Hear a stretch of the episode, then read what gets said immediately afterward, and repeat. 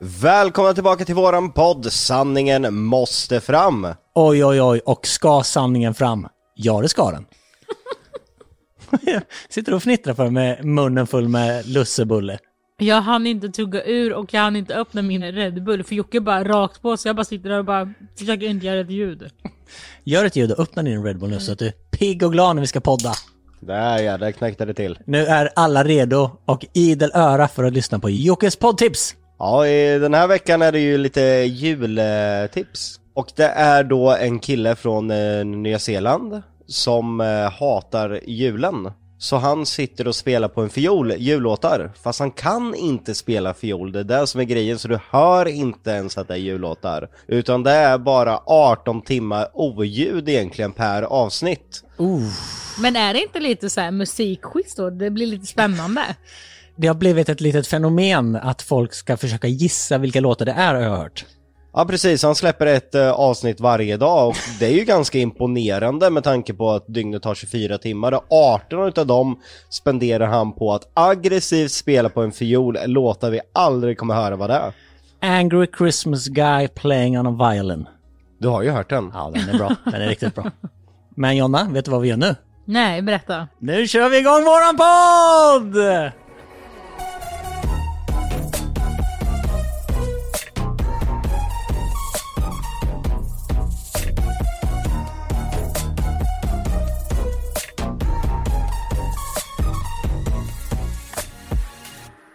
Är ni lite glada idag? Det känns lite sprudlande.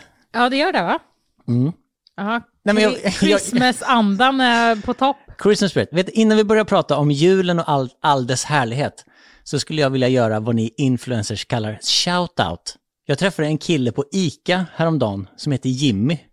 Jag gick med min familj och så hör jag bara så här, "Äh, det, men det är ju Jonas! och jag bara, ja, tjena tjena. Och så börjar, du vet när man träffar någon så börjar man ju tänka så vad fan jag känner inte igen honom. Åh, vad pinsamt. Bara, är det från liksom när jag pluggar? Är det någon jag har jobbat med? Man börjar tänka jättemycket så. Och så kom jag inte på det. Jag bara, jag har aldrig sett den här snubben innan. Och han bara, fan jag, jag tycker eran podd är så himla bra. Nu blir jag, nu blir jag så himla nervös. Nej, men. Och så börjar han ska, hans händer börja skaka. Han tyckte att det var så jävla coolt. Erkänn att din fru bara kramar om honom och bara klappar honom på ryggen. Det kommer bli bra, det kommer bli bra. Ja, nästan. Ja. Men det var så himla, han var så himla trevlig. Han berättade hur mycket podden betydde för honom. Han lyssnar på podden varje dag på jobbet. Så jag ville bara säga så här. Tjena Jimmy! Hoppas allt är bra. Kul! Jättekul! Jag har faktiskt fått jättemånga prints, för nu har ju typ, om man lyssnar på Spotify så lägger de ut, eller man får väl någon slags lista, jag kan inte det med Spotify, men man får väl någon lista på vad man mest har lyssnat på. Och eh, det är jättemånga som har skickat prints på att de har lyssnat mest på våran podd. Ja men det har jag också fått faktiskt och på tal om eh, ICA Jimmy där så har jag en artikel här framför mig just från den ICA-butiken. Jaha, vad står det då? Att den behövde evakueras för att någon sa att det hade tagit sig in en rovfågel där och eh, mitt i allt det här tumultet så fick ju en person epilepsi. Så där Av kan ju, rovfågeln. ja, de, var- han var så rädd tydligen Jaha. så han har ju börjat skaka. Och det var stackars Jimmy. Där var Jimmy. Okej, så det jag såg som ett fint möte med en poddlyssnare, det var snarare något helt annat. Ja, det var så du såg det. Det var så jag Jimmys historia var något helt annat. Ja men det verkar ha spridit sig någon masspanik där att eh, någon hade kopplat ihop dig med rovfågel, skriker rakt ut i butiken Det är då. rovfågel! Precis, och då tror väl folk att det har tagit sig in någon kungs eller havsörn där kanske i butiken och där sätter igång masshysteri. Såklart. Mitt i det så får ju stackars Jimmy som har fobi för fåglar panik. Och då liksom, eh, av en slump så står ni framför varandra. Han börjar skaka, får ett epilepsianfall. Och... Du måste ha misstolkat situationen helt enkelt, för jag har ju Ja. tidningen här framför Jag mig. förstår det. Men då vill jag bara säga så här. Jimmy, om du och jag hade två helt olika syn på vårt möte så vill jag bara be om ursäkt. Ja, bra. Fint av dig. Jag såg det som en fin stund. Jimmy såg det som en ren av attack från en rovfågel. Ja, delvis. Jag trodde att det var positivt, men det var riktigt jävla negativt. Okej, men ska vi prata lite jul? För när man kommer in här i Lundellhuset så är det som att gå in i ett eh, inredningsmagasin slash amerikanskt eh, julhus. Det är väldigt fint. Ja, vi har lagt ner väldigt mycket tid på det också. Det har totalt tagit eh, 72 timmar ungefär. 72 timmar julpyssel. Ja, med extra hjälp. Så det är inte bara jag och Jonna, utan vi har haft hjälp av Olivia som jobbar hos oss. Och, själv. Vi har fått hjälp, Olivia. Och Kristina, hon Ja. jobbar ju som inredningsarkitekt så vi har haft lite proffshjälp of- också. Och sen eh, skärp är Ja, barnen. Barnen. Ja. Är de fortfarande lika galna? Nej men alltså det ah, igår, jag, jag trodde på riktigt att jag tänkte, börjar jag gråta nu då kommer det blod. Alltså då gråter jag verkligen blod. Vad, vad gör de som är så jävla jobbigt? Vi pyntar ett hörn, sen går vi till nästa, då river de det första hörnet. Och det ligger, alltså Lionel står och tuggar på någonting och man ber honom spotta ut, spottar han ut stearin och man bara hur har du ens fått i det? De kastar sönder saker, det är kaos. Ja, vi har ju filmat till Youtube i helgen. Eh, tanken var ju en stor pyntvideo men det tog ju sån tid. Saknades delvis lite pynt så vi fick dela upp den i två delar. Och när vi filmade slutresultatet så hade vi i sovrummet ställt fram ett fat med lussebullar och tänt lite ljus. Precis de som står bredvid dig där. Jag, jag, när jag kom in här och skulle rigga upp poddgrejerna så Nej, tänkte du jag, då, tänkte, då tänkte jag så här, då står det alltså ett, en assiett med eh, tre, fyra lussebullar, tänkte jag så här, men gud, det är ju inte Jocke och Jonna som har ställt det fram, det måste vara Olivia som har tänkt så här, nu ska de podda, nu ställer jag fram något fint, men då var det inte till mig alltså. Nej. Nej, okej. men nu känner jag mig dum. Så, ja, det var till dig. Ja, det var till mig, ja, vad snällt. Och då medan vi filmar vardagsrummet där så står eh, sovrumsdörren öppen och då har ju barnen gått in och tagit dem där, smulat sönder över hela golvet. Precis när vi har dammsugit och moppat golvet så bara, alltså tar de och det bara, du vet det blir lussebullespår efter dem. Och man bara, alltså panik. Men kan du inte berätta lite vad julen betyder för er? Jag har ju inga bra julminnen och jag har gjort en del samarbeten samarbete nu inför jul. Och då ska man berätta om fina julminnen från barndomen på vissa samarbeten. Och då blir jag så här, eh, det känns lite orättvist, Vad ska jag berätta? Att jag liksom minns min morsa hög under julen. Eller eh, ibland att jag inte ens blev bjuden utav familjen på julfirande. Är det vad jag ska berätta? Så jag har ju alltid, eller alltid, fram till eh, ett par år sedan hatat verkligen julen. När jag och Jonna träffades, eh, jag följde inte med henne och firade jul utan jag stängde in mig. Ville vara i fred och bara väntade till julen eh, var över. Och i ungdomen så tog jag helt avstånd, jag har så skräckminnen från jul, just julafton. En julafton spenderade jag ensam i en sociallägenhet, jag hade ingen mat eller pengar. Så jag åt såna här frosties, det var det enda jag hade hemma. Utan mjölk liksom, rent ur, ur förpackningen. Hur gammal var du då? Uff, vad kan jag ha varit? 20 ungefär. Och sen dog ju min morfar, eh, den enda jag egentligen hade kontakt med ur familjen på den tiden. Så då stängde jag av julen ännu mer så att eh, till slut började jag få ångest ens när första december kom när det var första advent att man visste att julen kom. Så var det ju ett enda långt liksom ångesttåg ända till, till julen var över. Och framförallt nyår också. Men nu idag så är julen absolut bland det bästa jag vet. Jag är riktigt i julfeeling nu och, och egentligen med det så vill jag väl bara säga att alla som känner som mig att man har dåliga minnen från barndomen och julen kan skaffa sig sina egna fina minnen. Det behöver inte vara förstört för all framtid utan man kan med en egen familj och familj behöver inte vara blodsband, det kan vara med vänner allting. Man kan skapa sig en ny kula eller vad man säger utav jul med människor man bryr sig om. Det behöver inte vara förstört.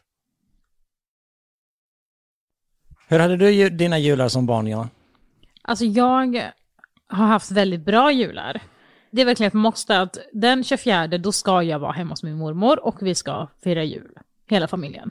Och sen eh, har jag skilda föräldrar så vi har ju hoppat lite emellan. Och då har det väl varit att jag har varit på ett ställe första delen och sen typ innan kalanka eller efter kalanka eller vad det är så har vi liksom switchat. Men nu har vi att eh, jag firar jul hemma hos min pappa dagen innan julafton och sen är hela julafton hemma hos min mormor. Och det är verkligen en grej så här att jag skulle aldrig någonsin kunna tänka mig att fira just julafton någon annanstans. Vi brukar ha en liten minijul här hemma också, där det bara är liksom jag, Jocke och barnen. Men där kan vi liksom inte ha när vi är hos min mormor, utan vi vill, vi vill kunna ha de här stunderna att jag vill kunna fira hos min pappa och liksom med min släkt där. Jag vill kunna fira med mormor och min släkt där, samtidigt som jag liksom vill ha mitt och Jockes och barnens, för att jag vet att det betyder så himla mycket för Jocke.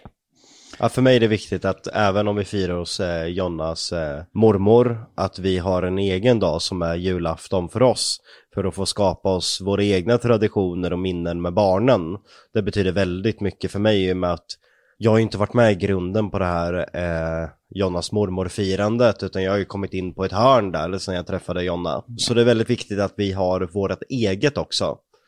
Jag kom på när jag berättade om mina julupplevelser där att jag är ju fan grinchen personifierad. Han hatar ju också julen och sen liksom märker han att det, det går att skapa sig fina minnen. Så då växer hans hjärta, han har ju ett litet hjärta i början. Ja, Grinchen har väl också traumatiska minnen från sina barndomsjular då helt Japp. enkelt. Och ditt hjärta har växt nu Jocke. Ja men det gör ju det och man får lite dåligt samvete runt julen av att posta glada saker. Jag tänker i alla fall så eftersom jag vet själv att har du ångest och mår dåligt och känner dig ensam så kommer det vara som allra värst under julen. Och därför får man lite dåligt samvete när man är glad och lycklig. Mm, Men jag tror att när man har de eh, kanalerna som ni har, att allt ni gör blir uppmärksammat och folk ser det ni gör. Det är ju ingen som ser det jag gör. Och jag, liksom i min barndom, i min vänskapskrets, så eh, har det inte varit så traumatiskt som det har varit för dig. Ja, men jag menar inte just att, att folk ser det där man postar, jag menar bara själva känslan när man står där. Att det kanske är någon, att man sitter och käkar god mat och sen kanske det är någon som inte gör det. Och Ja, man precis. skänker en tanke på det, eller hur menar du? Ja, om, man- om, om, om du har någon tanke på det, vi säger att du och din familj står där och bakar pepparkakor, det är jättemysigt liksom, det är julmusik, det luktar jul i hemmet. Om du tänker liksom att det finns någon stackare som kanske sitter påtänd i en lägenhet och bara avskyr julen. Nej, jag tänker nog inte på den påtända stackaren. Jag tänker mest på alla barn. Och det har vi gjort som en tradition i min familj, att i juletider så går vi alltid hela familjen till en leksaksaffär och så får alla välja varsin julklapp till barn som inte får julklappar. Så då köper mina barn liksom så, ja men den här, en sån här önskar jag mig jättemycket, men då köper vi den och så ger vi den till barn som inte får. Och så, ger, och så ger vi det till in, in, insamling som samlar liksom Röda Korset eller vad det kan vara. Det har ju vi gjort tillsammans också. Eh, vi handlar ju julklappar för vad var det? Alltså det var ju 30-40 tusen 30. va? Precis, vi gjorde ju ett avsnitt i familjen Lundell och då var det just i anda av, för det är en, en kvinna som jobbar med tv, som gör det varje år. Hon samlar liksom in från alla tv-produktionsbolag och så åker hon det till, till liksom en sån där insamling. Och då fick jag den idén just på grund av det. Och då gjorde vi ju det i ett avsnitt av familjen Lundell, att ni åkte till en leksaksaffär och så köpte ni, Vi la väl hälften var va? ja jag tror att precis, ni la hälften och vi la hälften och så köpte ni väl julklappar för, var det, 30 000 typ? Ja, jag tror det var det och jag pratade med Jonna. Vi har ju jäkligt fullt schema, men vi ska försöka hinna göra det i år också. För att jag tycker att det är viktigt att Luna Bell får vara med, få se alla de här julklapparna och veta att det går till folk som inte har julklappar. Och jag vill se lite hennes reaktion, hur hon tänker, hur hon känner och framförallt när vi förklarar att det är till barn som inte har julklappar, om hon går ännu mer in för det och letar julklappar till dem eller om hon känner lite att den här vill jag ha. Jag tror att det är viktig övning för henne så att dels vill jag göra det för mina barn för att de får en förståelse och dels för att det är för en väldigt fin sak för att det finns ju i Norrköping här liksom en ideell förening som samlar in eh, julklappar. Precis, och jag tycker det är så jävla viktigt att, och det behöver inte vara att, liksom att man är rik eller har mycket pengar och kan lägga jättemycket på julklappar, men om man bara lär barnen det, att det kan ju vara så att man liksom går på ICA och så köper lite pennor eller ett block eller vad som helst, men någonting till någon som har det sämre. Att man kan göra det liksom som en fin jultradition. Det är inte så att man behöver köpa liksom ett, en dator för 10 000. För de som inte får någonting är ju liksom varenda liten grej superviktig. Alltså jag tänkte faktiskt på det i morse, för att då hittade jag ett par strumpor. Vi har ju varit iväg överallt hela tiden nu, men Luna Bell fyllde i år för ja, men typ en månad sedan. Och då fick hon ett par strumpor, ett paket med ja, men så här, froststrumpor. Och då hittade jag det här paketet nu när jag skulle skjutsa henne till förskolan. Och hon var helt, hon bara, ah! hon bara skrek när hon såg det och vart så överlycklig. Och då blir det bara så här, ja, det är ett par strumpor. Men hon vart helt överlycklig. Och det vet jag också att barn tänker inte den här kostar mycket, den här kostar inte mycket, där, utan där kommer typ mer i tonåren. Då vill Ja. man liksom, då undrar man, okej vad kostar Ja, det här? Precis. Men annars så blir det så här, ja men Luna Bell hade blivit överlycklig av ja, men ett par strumpor, ett Ja. Kinderägg eller en jätteliten gosedjur eller alltså någonting så här som är en skitsak egentligen. För mina barn är det ju så, jag har frågat dem, eller vi har en diskussion om det. Nu börjar de bli lite äldre, de är nio och sju. Och vi har sagt så här, vill ni hellre ha någonting lite större? För min eh, son önskar sig en tv till exempel. Mm. Och min dotter önskar sig liksom en jättestor dockgrej som liksom kostar 2000 spänn. Mm. Och då har vi sagt det, liksom, önskar ni er många paket eller önskar ni er ett paket? Mm. Och dottern är ju med så, här, men jag vill ju hellre ha någonting som jag leker med än, Mm. än liksom många. Och sonen är bara så här, många paket. Bara, det, är, det är liksom så viktigt för honom att själva öppnandet är Ja. liksom grejen. För det kan ju vara så att de öppnar och sen så bryr de sig egentligen inte så jättemycket vad det är, utan det är kul grej. Mm. Ja, Jag, ty jag tycker att det där är så jävla svårt, för man vill ju ge sina barn allting, men man vill ju inte heller göra dem till små jävla as som var bortskämda. Nej, exakt. Nej, det är ju det som är bland det viktigaste i föräldraskapet, att skapa en förståelse hos barnen för dels sakers värde, att saker inte kommer gratis, att alla inte har det kanske lika bra som de har, utan det är ju jätteviktigt att jobba med det hela tiden. Så jag har ju en idé även om vi åker och köper julklappar och ger bort så kan jag tycka det är väldigt viktigt att barnen kanske får gå igenom sina egna rum och välja ut leksaker som de kanske inte använder längre Mm. som kan komma till pass för andra barn. För att de här ideella föreningarna slår in julklapparna själva så det är ganska lätt att bara komma med ett helt eh, lass åt dem. Men hur tänker ni när ni ger, nu är ju Lionel är ju så liten, men Luna Bell, vill ni ha ett berg av paket under granen? Bara för att det ska se mysigt ut? Nej, det är väl att eh, det blir väl en blandning mellan vad hon behöver och kanske vad hon önskar sig. Så att det ändå blir lite nödvändiga julklappar också. Precis. Och där är det roliga, för min eh, dotter som är nio, där, hon vill ju ha kläder. Och hon vill ju liksom ha sånt som min son kanske tycker är astråkigt. Mm. Eh, Och då blir det genast mycket roligare att köpa julklappar också, för då blir det faktiskt så här, ja men hon behöver en ny tröja, eller Ja, hon det behöver här ett par hade nya vi jeans. köpt ändå. Ja, precis. Men vi slår in det för att se det lite, ja, men ut som Ja. att det är lite mer paket. Ja. Nej men det är så jag gör också. Som, jag tänker att Lionel ska få någon liten så här dockvagnssulky. För att Luna Bell har två vagnar och hon vill inte låna ut någon. Och då tänker jag okej, då får han en liten sån här. För då, han bryr sig verkligen inte om någonting. Han vill ha bollar och bollar har han hur många som helst. Mm. Och sen typ gillar han solglasögon. Ja men då har jag köpt ett par solglasögon också. Bara för pappa gör det. Ja men det är liksom, det, men, så han behöver man liksom inte köpa så mycket till och han förstår ju inte riktigt. Men det är ändå viktigt för mig att han får någonting såklart. Och att eh, Luna Bell ser att det där är lillebrors vagn nu. Mm. Så du kan inte bara ta den, för om han inte får ha dina, då får du inte ha hans liksom. Hur brukar ni göra med julklappar till varandra då? Vi sa i år att eh, vi köper ingenting till varann utan vi lägger all fokus på att köpa för de pengarna vi har och disponera till julklappar till de människorna runt omkring oss som har ställt upp och hjälpt till och verkligen gett allt för oss, till exempel Olivia, eh, Kristina, det finns eh, många människor runt oss som har underlättat, hjälpt till mer än vad de har betalt för och sådana saker och då tycker vi kanske att det är viktigare att ge tillbaka till dem än att ge varann någonting för vi vet ju liksom vart vi har varann och att vi älskar varann och sen kanske vi åker på spa tillsammans eller gör någonting Ja istället. men kanske någon eh, fin middag eller spa eller alltså någonting sånt liksom, hitta på någonting helt själva. Det är ju fint ju.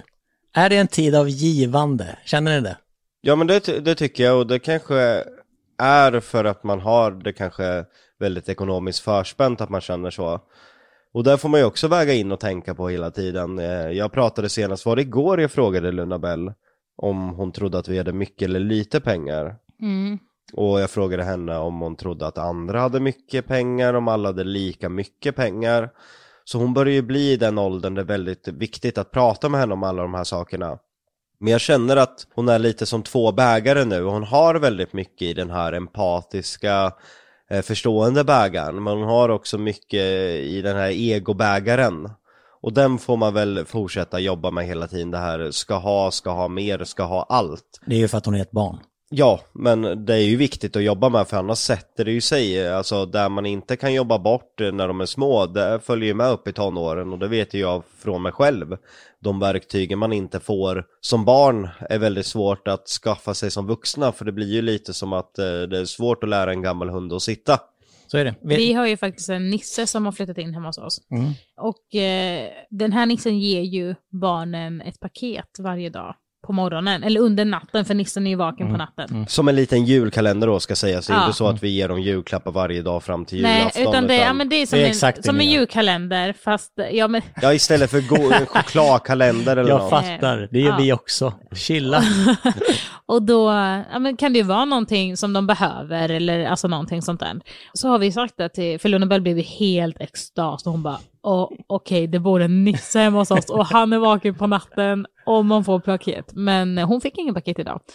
För att eh, hon eh, lyssnade inte på oss överhuvudtaget igår. Hon fick så många chanser och det bara blev pannkaka och då ville vi verkligen markera. Så i morse så kände hon på julstrumpan där nere och då var den tom. Hon är tom. Tror ni hon har lärt sig någonting av det? Eh, vi får se. Vi... Det tror jag för att hon är väldigt smart på att snappa upp saker. Hon har, alltså hennes minne, alltså lägger jag mig platt för. Det är bland det sjukaste jag sett på ett barn i den där åldern. Det, det är som en elefant, hon kommer ihåg allting. Det finns ingenting hon glömmer bort, så jag, jag tror att det här kommer sätta sig. För hon fick en till markering igår. Jag skulle åka till affären och laga lite speciell mysmat igår i och med att det var söndag. Pasta? Faktiskt, eh, min speciella pasta. Skräll. Ja, men det var en väldigt bra pasta, den fick bra Den betyg. bra. Den fick bra betyg. Oxfilépasta?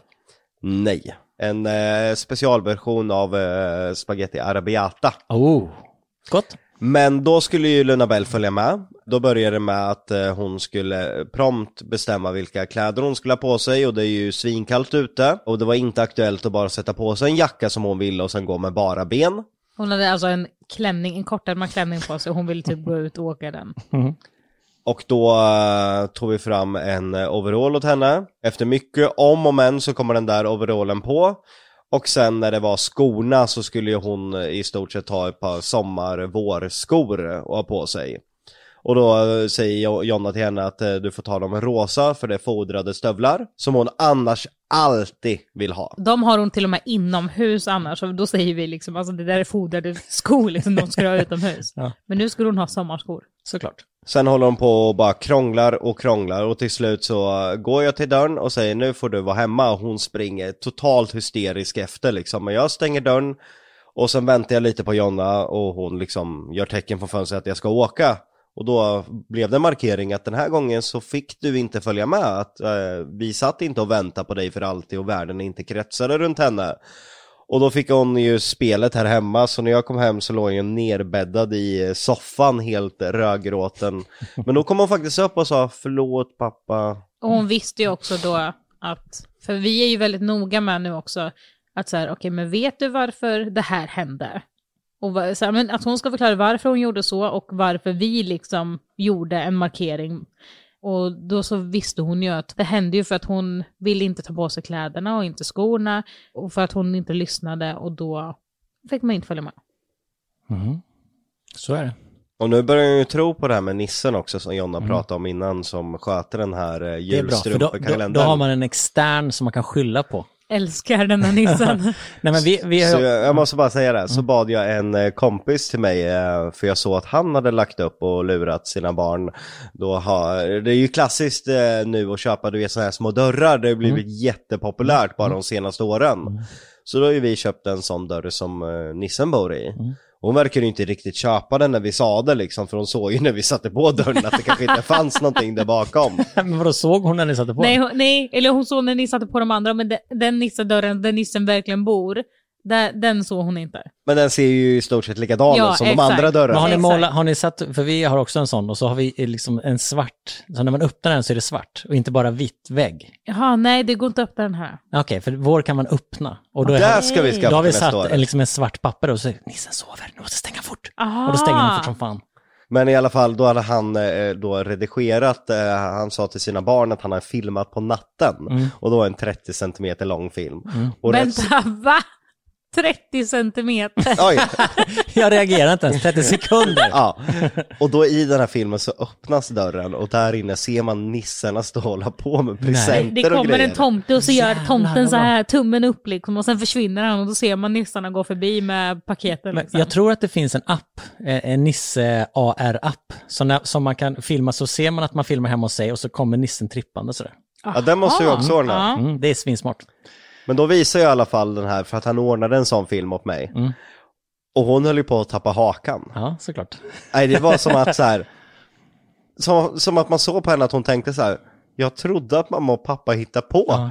Nej, men för mina barn tror ju fortfarande på nissen. Jag menar, min dotter vet ju att det är morfar som är jultomten, men hon tror att det är tomten som har skickat morfar, även om morfar har klätt ut sig liksom. Men så där var jag också, jag visste ju att det inte var den riktiga tomten som var hemma hos oss. Mm. Men jag trodde alltså stenhårt på att det Tomten fanns, fanns en någonstans. tomte. Ja. Men att han kunde, alltså att det är omöjligt att han ska liksom kunna vara överallt hela tiden. Precis. Men att han existerar ju faktiskt. Ja, men mina barn vill bara att eh, nissen ska busa hela tiden. De älskar när jag typ gömmer, eller när nissen gömmer sina tofflor någonstans och så springer de runt och letar. Eller häromdagen så hade nissen bytt ut alla ljus mot morötter och potatisar. Så, och då springer de runt och letar efter de andra ljusen. Det, de tycker det är så jävla roligt. Men det där är faktiskt någonting jag tänkt när barnen blir lite äldre. Men nu är ju Lionel i ett stadie där han är överallt och ingenstans. Och det, ja, men det är liksom, då tänkte jag så här, okej, vi börjar jobba in nissen nu och då får han väl ge ett paket om han är snäll. Alltså så. Så att de liksom har inprintat att nissen kommer och sen börjar nissen busa när de liksom är med mer. Men roligt, nej, men vi, vi, vi gick på en sån här hobbyaffär och då står ju alla de där Nisse-dörrarna, exakt som som vi har hemma, står liksom i paket. Och mina barn bara sådär, ja, nej men Nisse måste väl köpa dörren någonstans. och man bara, okej. men man tänker liksom, när ska man säga att det liksom bara är bluff och båg? När ska man slå sönder deras, Nej, men jag tror väl att de får, får upptäcka det själva. ja, eller hur? Jag blir så här lite ledsen när jag hör er, er berätta när ni liksom kom på och tänkte om tomten. Mm. För jag har ju inga upplevelser om tomten alls. Nej. Det är fan helt sjukt det. Ja, eh, mina minnen med present till exempel. Nu har jag ju idag väldigt bra relation med Kristoffer. Mm. Men jag kommer ihåg... Din bror alltså? Ja, min bror. Eh, Jag kommer ihåg att jag hade köpt det och slagit in presenter och verkligen gått in för det till hela familjen. När jag skulle göra ett försök och försöka liksom fira jul. Jag tror det var hemma hos eh, mormor det året. Eh, morfar hade gått bort. Min ena bror, han hade inte ens köpt någonting till mig, men han hade köpt till alla andra. Så redan där höll man på att börja gråta. För det blir någonting som är så nära, alltså det spelar ingen roll hur gammal du är, hur psykiskt stark du är. Det är någonting som bryter sönder dig totalt liksom, att vara exkluderar du någonting. Ja, antingen köper man ju inte någonting till någon eller så köper man ju till alla. Precis, och då blir jag så här, varför, varför fick inte jag någon? Ingår inte jag i familjen? Men Krille hade ju inte heller köpt någonting, men han hade ju i alla fall gått in på toaletten och slagit in en 50-lapp i tidningspapper. Men de andra Han hade... försökte Say hello to a new era of mental health care. Cerebral is here to help you achieve your mental wellness goals with professional therapy and medication management support. 100% online. You'll experience the all new Cerebral Way, an innovative approach to mental wellness designed around you. You'll get a personalized treatment plan from a therapist, prescriber, or both in a safe and judgment free space. Your Cerebral therapist or prescriber will outline a customized plan with clear milestones along the way so you can get to feeling your best. With Cerebral, you're not alone in your mental health journey. We're here to empower you to live a fulfilling life. So take that first step towards a brighter future and sign up today at cerebral.com slash podcast and use code ACAST to get 15% off your first month. Offer only valid on monthly plans. Other exclusions may apply. Offer ends July 31st, 2024. See site for details. i alla fall. Ja, men de andra hade inslagna presenter. Ja. Så efter det så eh, gav ju jag upp julen ända till det året eh, jag träffade Jonna och började fira med hennes mormor. Men jag vet att de första jularna så följde inte Då, jag nej, med. då var du inte med. Då Då var du jag- hemma med Batman. Då ville jag låsa in mig. Sen började vi smått, en jul efter Jonna kom hem från sin mormor. så öppnade vi presenter och 95% av det som var under våran egna lilla gran var till Batman. Då hade vi handlat alltså ungefär som det vore vårt barn, han fick hundben, han fick någon hatt. Jag tror, jag tror vi har en bild, vi kan väl använda den som omslag till poddavsnittet. Det kan vi göra. Batman i hatt. Ja, Batman i hatt och han har fått eh, sådana här små hundben och sånt. Så det var det första försök till att börja fira jul igen.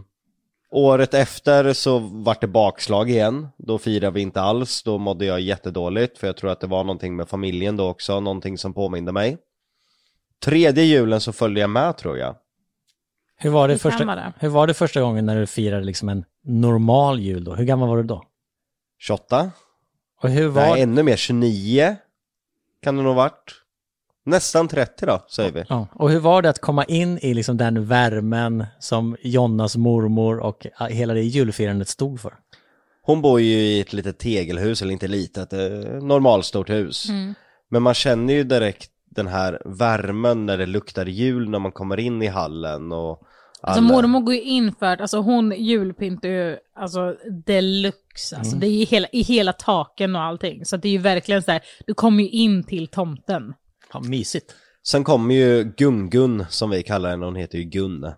Eh, med en pepparkaka med en klick ädelost på och sen Lite glögg. Ja, fast jag fick en liten kopp med Cola Zero, kommer jag ihåg. Fast i en glöggkopp. Nej, vad gulligt. Då hade hon snappat upp det, eller du hade sagt det till henne. Nej, alltså hon snappar upp allt. Hon, hon är jättebra ja, på att snappa upp saker. Och göra folk bekväma då. Mm. Ja, ja 100%. verkligen. Så hon hade liksom dels köpt på sig Cola Zero som förmodligen inte brukar göra. Nej, för vi bara- dricker ju julmust eller typ så här eh, äppelcider eller vad fan det är. Det, är- ja, men, ja. Hon har ställt dem ute tror jag eller något för de var iskalla och det är ju det bästa jag vet. Cola Zero på julen ska ju nästan fr- vara frost liksom. Och sen kommer jag ihåg att man åt i olika omgångar, lite förrätt med kallt. Mm. Och sen var det varmrätt och jag har ju aldrig gillat julmat, jag har alltid hatat det för att jag inte gillat den julmaten jag minns från när jag var barn. Och det kan ju bero på att det var liksom köttbullar värmda med kokt potatis och kanske någon prinskorv och sen julkorv och något revbensspjäll. Det är typ det jag kommer ihåg från barndomen. Och det kan du ju tänka dig, ett barn, det är ju äckligare än vanliga maten man får. Men nu idag så älskar jag julmat och besöka olika julbord. Men jag kommer ihåg det, vi- vilken gemenskap de hade och få Då kände jag för första gången att jag, jag var i en tillhörighet till någon. I och med Även om jag inte tillhörde familjen liksom i blodsband där Så tog de ju emot mig väldigt väl. Både Jonas mamma Lottie och Gungun och Jonas bröder Och din eh, Morbror. morbror Peter och han, han är ju väldigt bra med på sådana här ställen för jag är ju väldigt obekväm som du vet första gångerna Men han är ju lite som en Daniel, en comic reliever Mm. Han bara kör på. Ja, han bara skämtar hela tiden och det, det är väldigt befriande när man är lite obekväm att ha en sån person. Ja, det blir ju liksom ingen så här tyst, konstig stämning så. Utan det skämtas ju, även om alla skämt kanske inte är svinroliga, så skämtas det ändå. Och sen var det dags för att dela ut julklappar och det fina där var att de hade ju handlat åt mig också, både Lottie och Gungun och Peter och alla. Så det fanns ju paket till mig där under också. Jag tror, jag tror till och med att det kan vara så att du var den personen som hade absolut mest Ja, jag hade jättefina presenter hade jag. Det minns jag verkligen. Fint ju. Ja. Så det går att vända. Det går att vända. Alla ni där ute som sitter som Jocke satt för många år sedan. Det går att vända.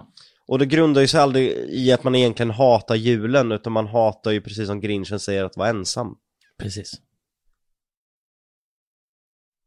Du frågade mig förut om, om, liksom, om jag tänker på den här eh, pundan som sitter ensam. Och då sa jag, nej men jag tänker mest på barnen. När han kanske var ett barn en gång som har traumatiska minnen att han blev den där ens ensamma pundan. Så kan det vara.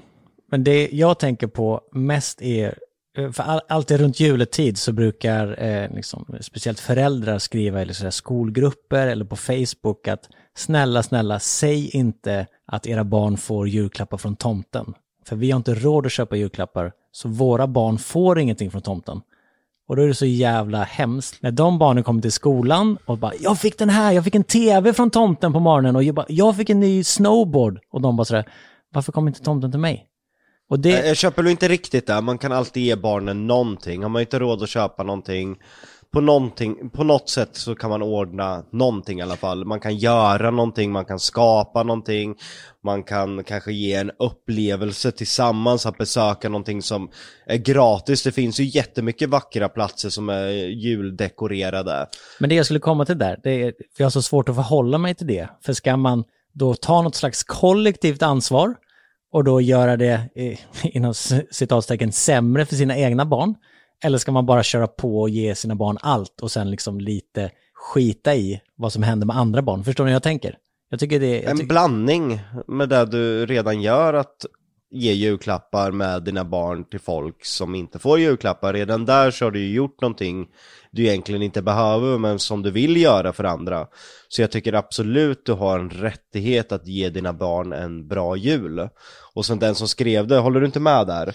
Att Jo. barnen inte får det någonting. Jag vet, Alltså- men, det, men, men tänk er själva, om ni inte hade varit lika lyckade, eller vad man säger, som ni är och kan ge era barn allting. Tänk ändå känslan när barnen kommer hem efter jullovet från skolan och så bara, pappa, vet du vad? De och de och de och de fick det här och det här och det här. Och varför kom inte tomten till oss? Jag har svårt att köpa det för att även om vi bodde i en lägenhet och inte hade haft inkomst, vi hade sett till att våra barn hade en upplevelse utav dagen utöver det vanliga. Som kanske till och med gick över det här med julklappar. Man Ja. hade kunnat göra någonting, det är kreativiteten, orken, hur mycket man brinner och vill kämpa för och ge en bra dag. Går man upp på morgonen och ser deprimerad ut för att man inte liksom har bra ekonomi, absolut, det kommer smitta av sig på barnen. Jag och Jonna, om man går tillbaka till när vi levde på socialbidrag, vi knappt fick ut. När vi bodde hos Jonnas mamma i en förstörd lägenhet. Det är fortfarande en tid jag minns som mycket glädje och mycket kärlek, för det är vad man gör det till. Och vi gjorde någonting tillsammans utav den situationen, det bästa vi kunde. Ja, ja, jag håller med där. Och sen är det ju också att ett barn kan alltid önska sig saker, men man vet ju, man känner ju ofta sina barn också och vet att okej, Luna Bell till exempel hade, eller hon blir svinglad av plåster. Det gör henne lyckligare än liksom någonting dyrt egentligen. Och ett paket plåster kostar ju inte så mycket. Sen kanske man kan göra någon tipspromenad eller man kan liksom Exakt. göra... Le- leka doktor med de där plåstren. Ja, men alltså man kan verkligen göra precis vad som helst av ingenting. Alltså om man till exempel inte har råd att köpa någonting så kanske man då har några saker hemma man kan göra till ett litet kit. Som till exempel, ja, men här har vi lite spa, spa-grej, här ska vi använda det här. Vi kanske har någon frukt i kylen, banan vi kan göra en ansiktsmask av. Vi kanske har ja, men, några plåster vi kan göra någonting med eller liksom måla naglarna eller alltså det finns någonting man kan göra, det finns det alltid, om man bara ser det från den positiva sidan. Sen självklart, eh, det Jonna berört nu är ju lite yngre barn som kanske där upplevelsen är lika mycket som julklappen, Mm. där du kanske berör lite äldre barn där den fysiska julklappen kanske blir lite, lite som märkeskläder i skolan, en statussymbol. Precis. Och då blir det ju såklart svårare. Men det ligger ju också hos barnen att bjuda till och faktiskt se julen som mer än materiella saker. Jag kan ju tycka lite, man ska inte liksom belasta en 12-åring kanske, men ser man bara det materiella och ser att, ser att julen är skit för att man kanske inte hade föräldrar som hade råd med den julklappen man vill ha, då, då kanske det är lite självförtjänt också. Om föräldrarna bjuder bjudit till och gjort allt vad de kan, men kanske inte kan ge just den där julklappen, då, då kanske jag tycker det är en läxa för livet att inte ha fått den julklappen också. Ja, alltså jag vet ju folk som, alltså som när jag var yngre hade det väldigt bra ställt. De fick allt de pekade på, men de hade inte närvarande föräldrar och Precis. ingen jul åt det hållet. Så det var liksom inte det här gemenskapen att sitta framför en gran och titta på någonting eller typ äta julfrukost med sin familj. Utan, och det var ju vad de saknade. De bara, jag skiter i en häst, jag skiter i det här liksom. Jag, jag vill ha julmaten och gemenskapen med släktingar och vänner och familj liksom. Och gemenskapen så kan du ju alltid ordna i stort sett. Ja. För om du inte har råd att göra mat på julen så har du inte råd att äta någon annan dag på månaden heller. Jag förstår att vissa kan ha det så pass knapert att man får räkna kronorna. Men det finns alltid saker att göra. Det finns till och med en bok på internet där du kan räkna ut maträtter hur mycket det kostar. Det gjorde jag när jag levde på socialbidrag så jag vet att det finns sån hjälp. Men man måste också ta den hjälpen. Det finns även många, många såna här föreningar eller vad det är. Som Många har, hjälporganisationer. Exakt, Ja. som eh, faktiskt, ja men där vi till exempel gav de här julklapparna, de hade ju även att eh, familjer som ja, men fick komma dit och äta julmat och alltså dricka lite glögg och lite sånt där och fira jul där för att de kanske inte hade någon annanstans. Och sånt finns ju, så det hjälper, alltså man ska inte skämmas över att inte ta hjälp. Utan det är bättre, om man vill ge liksom sina nära och kära en fin jul, så är det bättre att bara ta den hjälpen man faktiskt kan få. Nu kommer en lite opopulär åsikt här. Åh, kör. Men jag tror att ni kommer hålla med mig. Det finns så många människor i Sverige som gnäller hur dåligt och ställt de har, har det. Men de gör fan inte ett jävla skit för att förändra situationen. Har jag rätt eller fel? Ja, du har ju rätt. Det finns ju väldigt många offer som bara säger åh, kolla han, han har köpt den där grejen nu, fy fan. Jag är långtidssjukskriven, jag är det här och det här. Absolut, jag beklagar det jättemycket. Men det kommer inte bli bättre av att sitta och tänka där varje dag. Och hur illa det är, för det kommer smitta av sig till barnen. Precis, och jag fattar att det är svårt att säga eh, gör någonting till någon som är långtidssjukskriven eller mår väldigt dåligt och sådär. Men man kan alltid, alltid, alltid försöka hitta ljusglimtarna och försöka göra någonting av det. Och framförallt om, vi får ju, alltså Daniel, jag och Jonna får säkert 100-200 DM om dagen med människor som vill ha pengar och saker utav oss. Och det är alltid så jävla synd om de här människorna. Blir det mer runt jul? Ja. Och alltså de skriver rakt ut, ja men jag har eh, spelskulder. Jaha, ska jag ge dig pengar för att du har spelat bort dina pengar som skulle gå till dina barn? Ställ dig i spegeln och skäms. Gå och ta det enklaste jävla jobbet som existerar för den lägsta jävla timpenningen och gå och lär dig någonting. Du ska inte ha en jävla krona, du ska stå och slita och skämmas inför dina jävla barn att du har spelat bort pengar som skulle gå till att fira jul med din familj. Det, det, är alltså, det, det är fruktansvärt. Och det är så mycket människor som skriver, inte just spelskulder, men skulder överlag. Och ni hade skulder och ni gjorde någonting åt det. Ja, jag kan bli så här. Ser människor som skriver så här, men det är ingen idé att jobba för jag har skulder, det är bättre att vänta på en skuldsanering. Och då blir jag så här, jaha, vi jobbade av 700 000 och betalade tillbaka de pengarna. Du ska inte bidra till samhället för du har ändå så mycket skulder så det är ingen mening med att du jobbar. Och den mentaliteten, det gör inte situationen så mycket bättre. Tänk om alla skulle tänka så.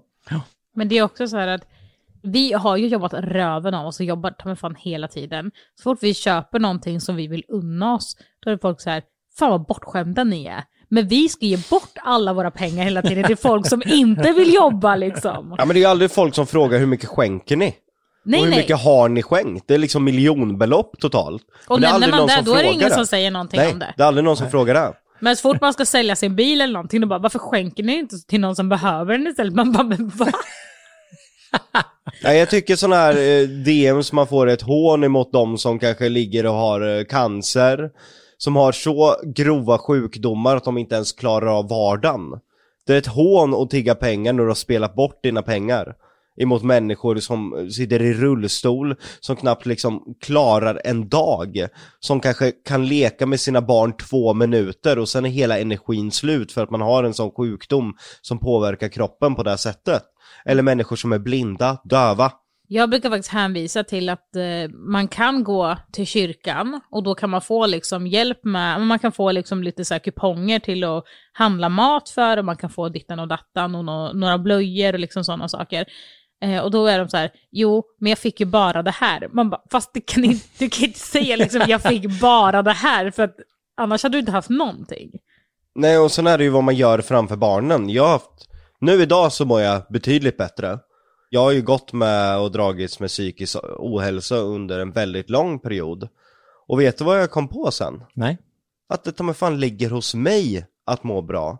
Att jag är kaptenen i mitt liv, det är jag som måste se till att jag mår bra. Jag kan inte vänta och Absolut, det är hemskt att människor utsätter oss för saker. Nu hade ju liksom Jonas bil som vart sönderslagen igår. Den älskade Picasson. Var är du?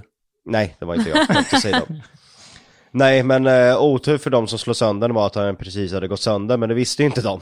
Så det blev lite nitlott där. Men, men då, vi har ju precis kommit hem från en spökjaktsresa.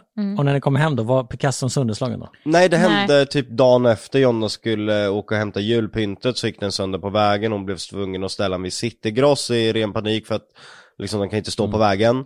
Och sen dagen efter så fick jag en bild eh, från en följare på Instagram som beklagade och skickade en bild och då är backspegeln och bakrutan sönderslagen och sen har de rotat igenom bilen. Men absolut, vi kommer aldrig kunna påverka att människor försöker skada oss, kastar elaka kommentarer och försöker trycka ner oss. Vi kan inte sitta och vänta på att det ska sluta ske, utan det ligger hos oss. Och när jag insåg det och börjar kämpa för att det är hemskt att jag ska behöva stänga av vad folk gör, men det är ju enda sättet. Och nu mår jag så mycket bättre när jag har kontrollen över mitt liv, när andra personer inte har kontrollen över mitt liv. Nu njuter jag från jag vaknar tills jag somnar, även om vi har barn som skriker en hel dag. Så när jag lägger mig och somnar för natten så är jag ändå så tacksam för den underbara familjen jag har. Och du har har väl märkt på det, jag är inte lika, jag påverkas inte lika mycket av stressen vi har. Nej. Eller att barn har varit kaos en hel dag. Jag kan vara så här ändå. Jag, jag kan säga till Jonna så här, vilka fina barn vi har. De bara, men de har ju liksom varit Ja men kaos. de är ju hela- monster! de har ju varit kaos hela dagen.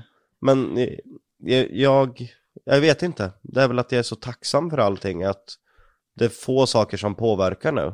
Men jag kan typ se det när de går och lägger sig och jag bara kan andas ut för första gången. Då kan jag bara så här, jag njuter en kvart och sen bara, men gud om jag skulle väcka dem lite så vi kunde kramas lite. Ja, nej men jag tycker föräldraskap är ju njutbart i korta, korta stunder. Det, är Men det liksom går så här- verkligen så här upp och ner, alltså Nej, det, men- det, det är en berg och dalbana. Nej, men man finner ju sig själv ibland. Vi stod och- och bakade pepparkakor igår till exempel. Och, då, och när man ser att de liksom samarbetar och skrattar och vi har julmusik, är det sådär, fy fan vad mysigt. Och sen fem minuter senare så börjar de skrika på varandra och bara svära och man bara, åh, fan att vi inte fick ha det mysigt lite, lite längre. Men det finns ju korta sådana stunder hela tiden när man bara, fan vad fint. Ja men det är verkligen så. Ja, jag håller med verkligen där. Okej, sista innan vi avslutar eh, julpodden. Vad är det viktigaste på julbordet? Julskinkan.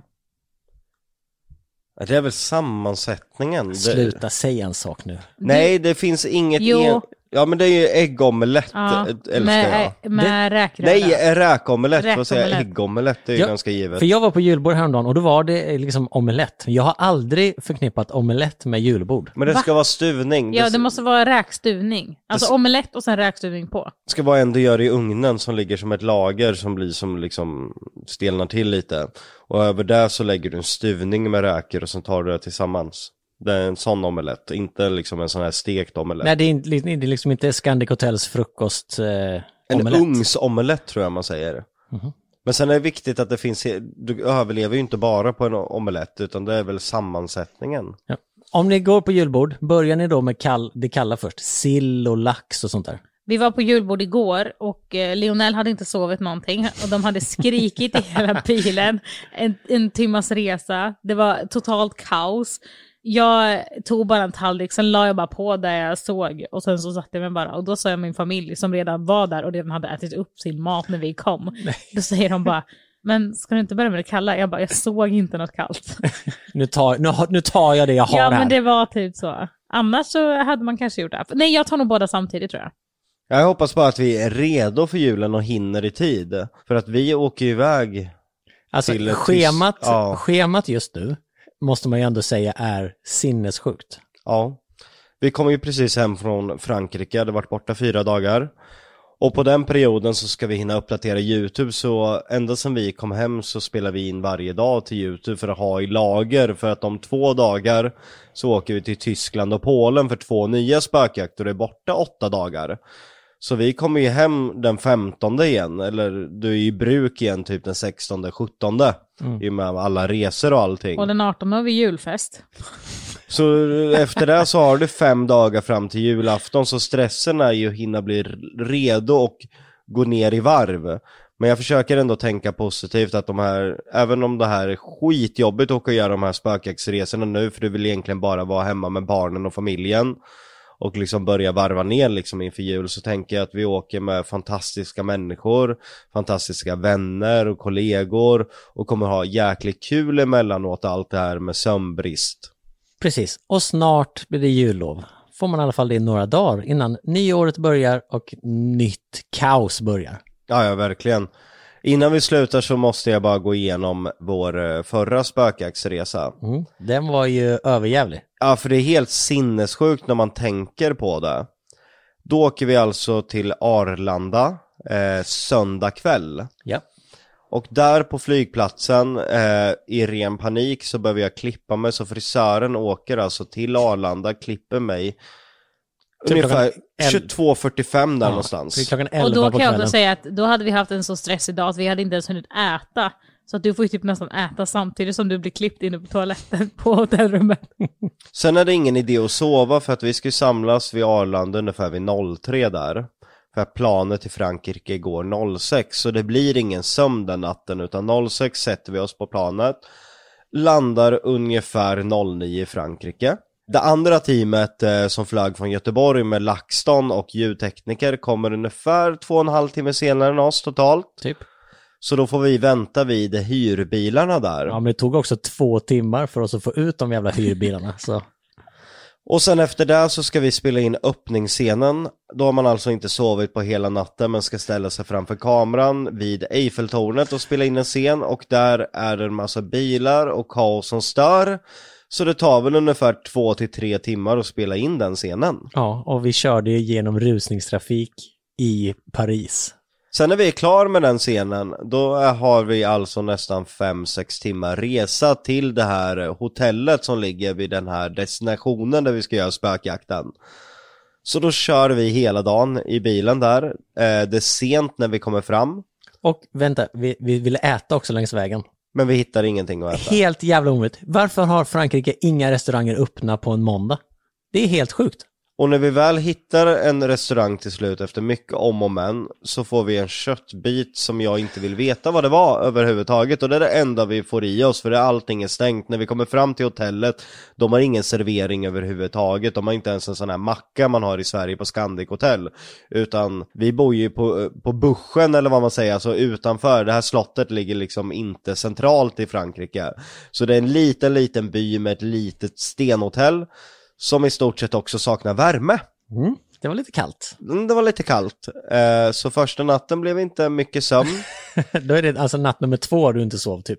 ja, och då ska du upp och göra den här utredningsdagen, så då börjar vi på morgonen och göra alla bilbilder och sedan dagsvandring på slottet, Träffa vittne. träffa vittne och sedan så gör vi utredningen. Vi somnar ju där på slottet vid 07, då är det alltså, är det tredje natten vi inte har sovit då? Japp. För att sedan gå upp vid 10.30 Ja. och göra eftersynkar, uppvakningsscener, åka därifrån. Och eh, de här synkarna, det är ju så mycket att gå igenom så det tar ju lång tid. Så vi är ju klara vid 19.00 ungefär. Japp. Och då kommer vi till hotellet och äter tillsammans. Det var väldigt mysigt, det var första gången vi verkligen i lugn och ro kunde sitta samlade. Ja. Men sen får vi veta att då ska vi ta ett flyg som går 07 på morgonen. Precis, ni skulle hem lite tidigare för ni skulle på kurs. Ja, det kommer jag till sen och det är också hemskt. Så då, bör- då, då blir det ingen sömn för fjärde natten utan då åker vi 01 från hotellet tillbaka till Paris där, till Charles de Gaulle. Sätter oss på det där flyget för att landa och vara i Sverige ungefär vid 11. För att gå på en börsutbildning som tar fyra och en halv timme. Och dessutom, som var jättesvårt att koncentrera sig på för att det var liksom ingen, alltså det, det var ingen vi såg satt och pratade utan det var bara bilder som kom upp och de var inte ens rörliga så man satt där och bara... "Ah." Det var som en föreläsning Och lite skolan. sprakigt Ja. ljud, lite diskant ljud. Ja, kul. Efter det ska vi åka två och en halv timme bil från Arlanda hem. Så då liksom tvärdäckar vi i sängen, vi hinner knappt ens prata med varandra. För att vakna upp för att börja med de här pyntvideosarna. Och ta hand om barn som har varit sjuka och snoriga och helt gnälliga. Och det har vi gjort nu i tre dagar, spelat in videos och pyntat och här sitter vi i podden.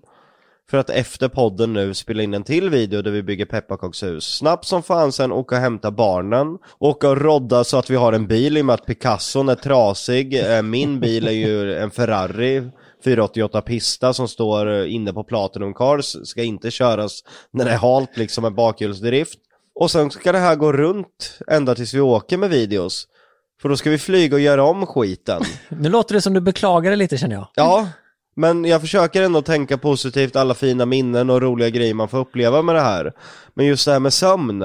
Och Det- just att vi har ett så jävla bra team. Ja, Alltså fy fan vad det hade på riktigt varit så mycket mer bajs om man inte hade haft det. Om man inte hade gillat varandra. Mm. Fy fan. nej men jag beklagar mig inte, men just sömn, jo det beklagar jag mig fan över att jag inte får sova. Det gör jag. Alltså jag vet inte ens vad sova är längre.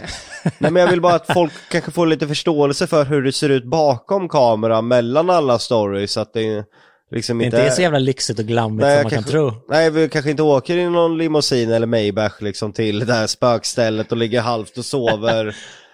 Det kan man inte säga att vi gör i alla fall. Och det var, jag kan säga så här, den resan med så, alltså så långa sittningar var inte skönt för min rygg. Så jag bara kände, det bara hände någonting under spökjakten med min rygg och jag bara, okej snart kommer jag kollapsa här. Men jag bara, okej byt ihop, kör bara, jag vill bara bort alltså. Ja, det är positivt i alla fall. Det kommer bli den bästa spökjaktssäsongen någonsin. Det kommer Ah, det bli. wow. Det här, eh, avsnitt nummer ett, Hoya Forest. Avsnitt nummer två, Chateau de Fogre, typ. Ja. Otroligt slott i Frankrike. Och nu ska vi ju till Tyskland, Polen. Polens hus är jag så taggad på. Det är alltså ett poltergeisthus där det är 30 familjer som har flyttat ut från huset. För de pallar inte vara där. Ja, och då tänker jag så här. Även om jag är skeptisk till det paranormala, det finns någonting där. Men jag vet inte om det är paranormalt, om det är någon jävla gas som läcker ut som gör folk galna, men någonting gör att så många familjer har flyttat ut. För det är ingen slump. Nu ska man bara ta reda på vad det är som gör att de sticker därifrån i panik. Mm. Väldigt spännande. Jättespännande. Okej mina vänner, om ni har något härligt julminne eller jultips eller nissebus att skriva så gå in på Sanningen måste fram på Instagram. Precis. Och förra eh, avsnittet fick vi lite bandningar för att eh, vi eh, eh, pratade så mycket om Gamla Testamentet. Men jag vill fortfarande hävda att det är en del av Bibeln. Och avsnittet hamnar om Bibeln. Ja, alltså du och jag pratade ju om det här. Ja. De bara, men det är ju gamla testamentet, det är ingen som lever eh, efter det. Ja men då tror man ju inte på Gud, för det är ju Gud som har sagt det där som står i gamla testamentet, det är ju han som har sagt det. Det är alltid så härligt att ni är med oss.